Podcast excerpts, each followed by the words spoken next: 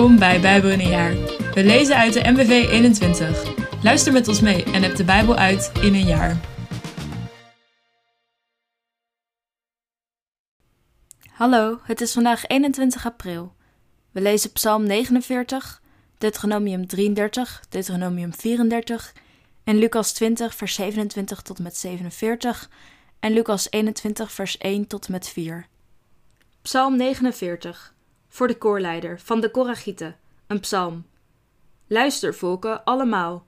Hoor, bewoners van de wereld, mensen, kinderen van Adam, rijk en arm, iedereen. Mijn mond spreekt wijze woorden, diepzinnig is wat mijn hart overpeinst. Ik heb een open oor voor raadselspreuken. Bij het spel op de lier onthul ik een geheim. Waarom zou ik vrezen in slechte tijden, als ik door uitbuiters word omringd, die vertrouwen op hun vermogen en pronken met hun rijkdom? Geen mens kan een ander vrijkopen. Wat God vraagt voor een leven is niet te betalen. De prijs van het leven is te hoog, in eeuwigheid niet op te brengen. Onmogelijk dat iemand voor altijd zou leven, de kuil van het graf nooit zou zien. Dit zien we: wijze mensen sterven, maar ook domme en dwazen vergaan en laten hun vermogen achter. Het graf is hun eeuwig thuis, hun woning van geslacht op geslacht, ook al stond er veel land op hun naam een mens, hoe rijk ook, houdt geen stand. Hij is als een dier dat wordt afgemaakt. Dit is het lot van wie op zichzelf vertrouwen. Zo vergaat het wie zichzelf graag horen. Selah. Als schapen verblijven zij in het dodenrijk, en de dood is hun herder. In de morgen vertrappen de oprechten hun graf. Hun lichaam teert weg in het dodenrijk en vindt geen rust. Maar mij zal God vrijkopen uit de macht van het dodenrijk mij zal hij wegnemen. Selah. Wees niet bang als iemand rijk wordt, een groter huis heeft en meer wilde. Want bij zijn dood kan hij niets meenemen. Zijn wilde volgt hem niet in het graf. Ook al prijst hij zich gelukkig met zijn leven, wie roemt je niet in je voorspoed? Hij zal zich voegen bij, bij zijn voorgeslacht, bij hen die nooit het licht meer zien. Een mens zonder inzicht, hoe rijk ook, hij is als een dier dat wordt afgemaakt. Deuteronomium 33. Dit is de zegen die Mozes, de godsman, uitsprak over de stammen van Israël voor hij stierf. Hij zei: De Heer verscheen vanaf de Sinaï, zijn licht bescheen hen vanuit Seir.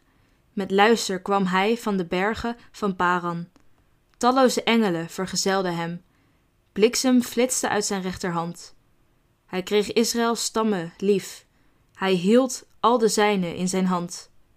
Ze waren gezeten aan zijn voeten en ontvingen zijn onderwijzing. Mozes gaf ons zijn onderricht, als een kostbaar bezit voor Jacobs volk. Zo werd de Heer koning van Jesurun, terwijl de oudsten van het volk bijeen waren en de stammen van Israël zich verzameld hadden. Ruben, hij mogen leven en niet sterven, hoe gering zijn aantal ook is. Dit zei hij over Juda. O Heer, hoor Juda's hulpgeroep Laat zijn strijders behouden huiswaarts keren, want ze voeren een eenzame strijd. Sta hun terzijde tegen hun vijanden. Over Levi zei hij: Heer, u vertrouwt uw orakelstenen toe aan de man die uw vertrouweling is. U stelde hem op de proef bij Massa, daagde hem uit bij het water van Meriba. Hij had geen mededogen met zijn vader en moeder, zijn eigen broers ontzag hij niet. Zijn kinderen waren als vreemden voor hem, want de Levieten hielden zich aan wat u gebood. Het verbond dat u sloot, bleven ze trouw. Laat hen uw regels onderwijzen aan Jacob, uw voorschriften doorgeven aan Israël. Laat hun geurige gaven u behagen. Laat hen brandoffers brengen op uw altaar. Heer, zegen hen met voorspoed en zie welwillend op hun verrichtingen neer. Maar breek hun tegenstanders de heup, verlam hun vijanden voor altijd. Over Benjamin zei hij: De Heer laat zijn lieveling bij zich schuilen. Zijn kind omarmt hem van vroeg tot laat. Het nestelt zich veilig op zijn rug.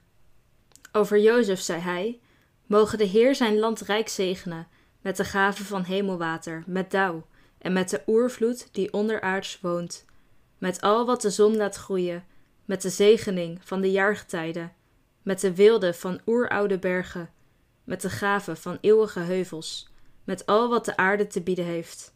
Mogen de gunst van Hem, die in de doornstruik was, rustte op Jozef, de uitverkorene onder zijn broers. Machtig als een eerstgeboren stier is hij.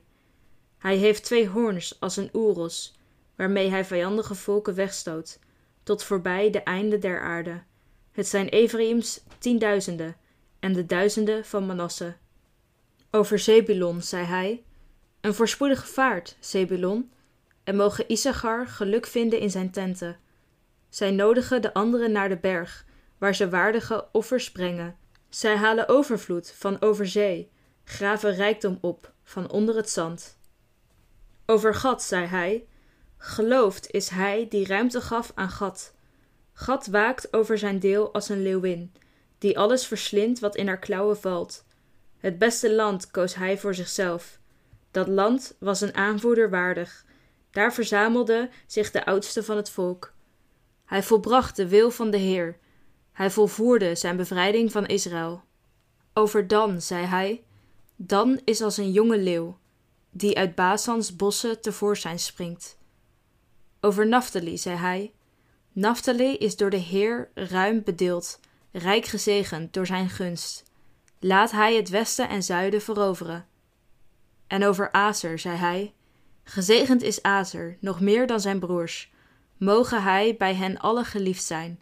Hij zal waden door de olijfolie, en al zijn steden zijn versterkt met grendels en ijzer en brons. Niet zal hem deren zolang hij leeft. Wie, Jesurun, wie ervaart uw God? Als een vorst rijdt hij langs de hemel en over de wolken om u te hulp te komen. Van oudsher is God een schuilplaats. Zijn armen dragen u voor eeuwig. Hij dreef uw vijand op de vlucht en droeg u op. Vernietig hem.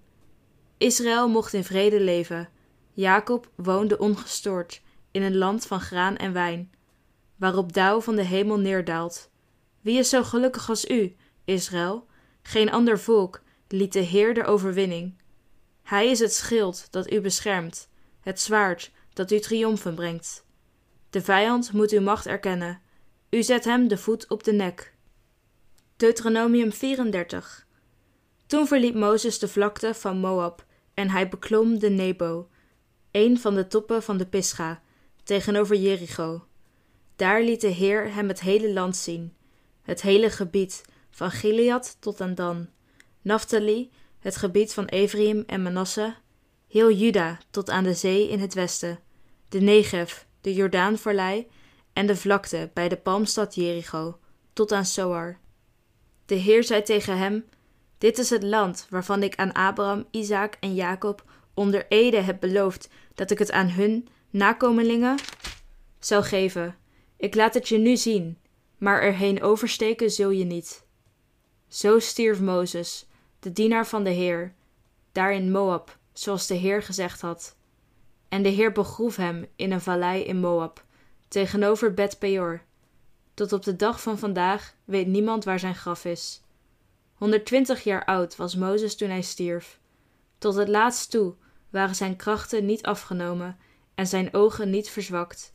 De Israëlieten die in de vlakte van Moab bijeen waren, treurden om Mozes dood, tot de dertig dagen van rouw voorbij waren. Ze luisterden naar Jozua, de zoon van Nun, omdat hij vervuld was van de geest van wijsheid, sinds Mozes hem de handen had opgelegd. Daarmee deden de Israëlieten wat de Heer tegen Mozes had gezegd. Nooit meer heeft Israël een profeet gekend als Mozes, met wie de Heer zo vertrouwelijk omging. Door zijn toedoen heeft de Heer in Egypte tekenen en wonderen laten zien aan de farao en al zijn dienaren en aan heel zijn land. Van alles wat Mozes krachtige hand verrichtte en van de daden waarmee hij alom ontzag inboezemde, is heel Israël getuige geweest. Lucas 20, vers 27 tot en met 47. Onderricht in de tempel. Enkele Sadduceeën die ontkennen dat er een opstanding is, kwamen naar hem toe en vroegen hem: Meester, Mozes heeft ons het volgende voorgeschreven: Als een gehuwd man kinderloos sterft, moet zijn broer met de weduwe trouwen en nakomelingen verwekken voor zijn broer. Nu waren er zeven broers. De eerste was gehuwd, maar stierf kinderloos. Daarna trouwde de tweede broer met de vrouw, en vervolgens de derde, en toen de andere broers. maar alle zeven waren ze kinderloos toen ze stierven. Ten slotte stierf ook de vrouw. Wiens vrouw is ze dan bij de opstanding? Alle zeven zijn ze immers met haar getrouwd geweest. Jezus zei tegen hen: De kinderen van deze wereld trouwen en worden uitgehuwelijkt. Maar wie waardig bevonden is deel te krijgen aan de komende wereld en aan de opstanding van de doden, trouwt niet en wordt niet uitgehuwelijkt. Zij kunnen ook niet meer sterven, want ze zijn als engelen en ze zijn kinderen van God, omdat ze deel hebben aan de opstanding.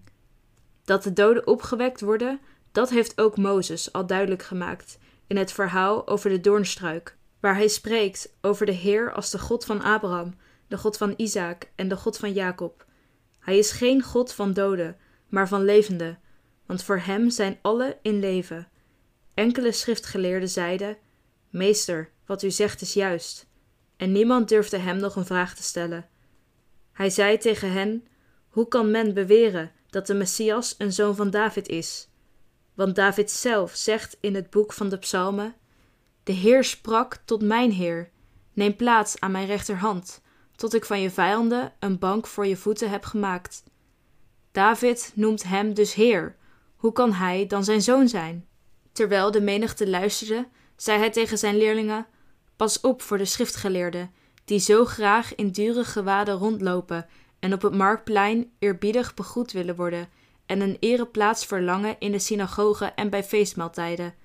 Ze verslinden de huizen van de weduwe en zeggen voor de schijn lange gebeden op. Over hen zal strenger worden geoordeeld dan over anderen. Lucas 21, vers 1 tot met 4. Toen hij opkeek, zag hij hoe rijken hun giften in de offerkist kwamen werpen. Hij zag ook dat een arme weduwe er twee muntjes ingooide, en hij zei: Ik verzeker jullie, deze arme weduwe heeft meer gegeven dan alle anderen, want de anderen hebben iets van hun overvloed geofferd, maar zij heeft van haar armoede alles gegeven wat ze nodig had voor haar levensonderhoud. Bedankt voor het luisteren. Bedankt voor het luisteren allemaal. Nog een gezegende dag en tot morgen.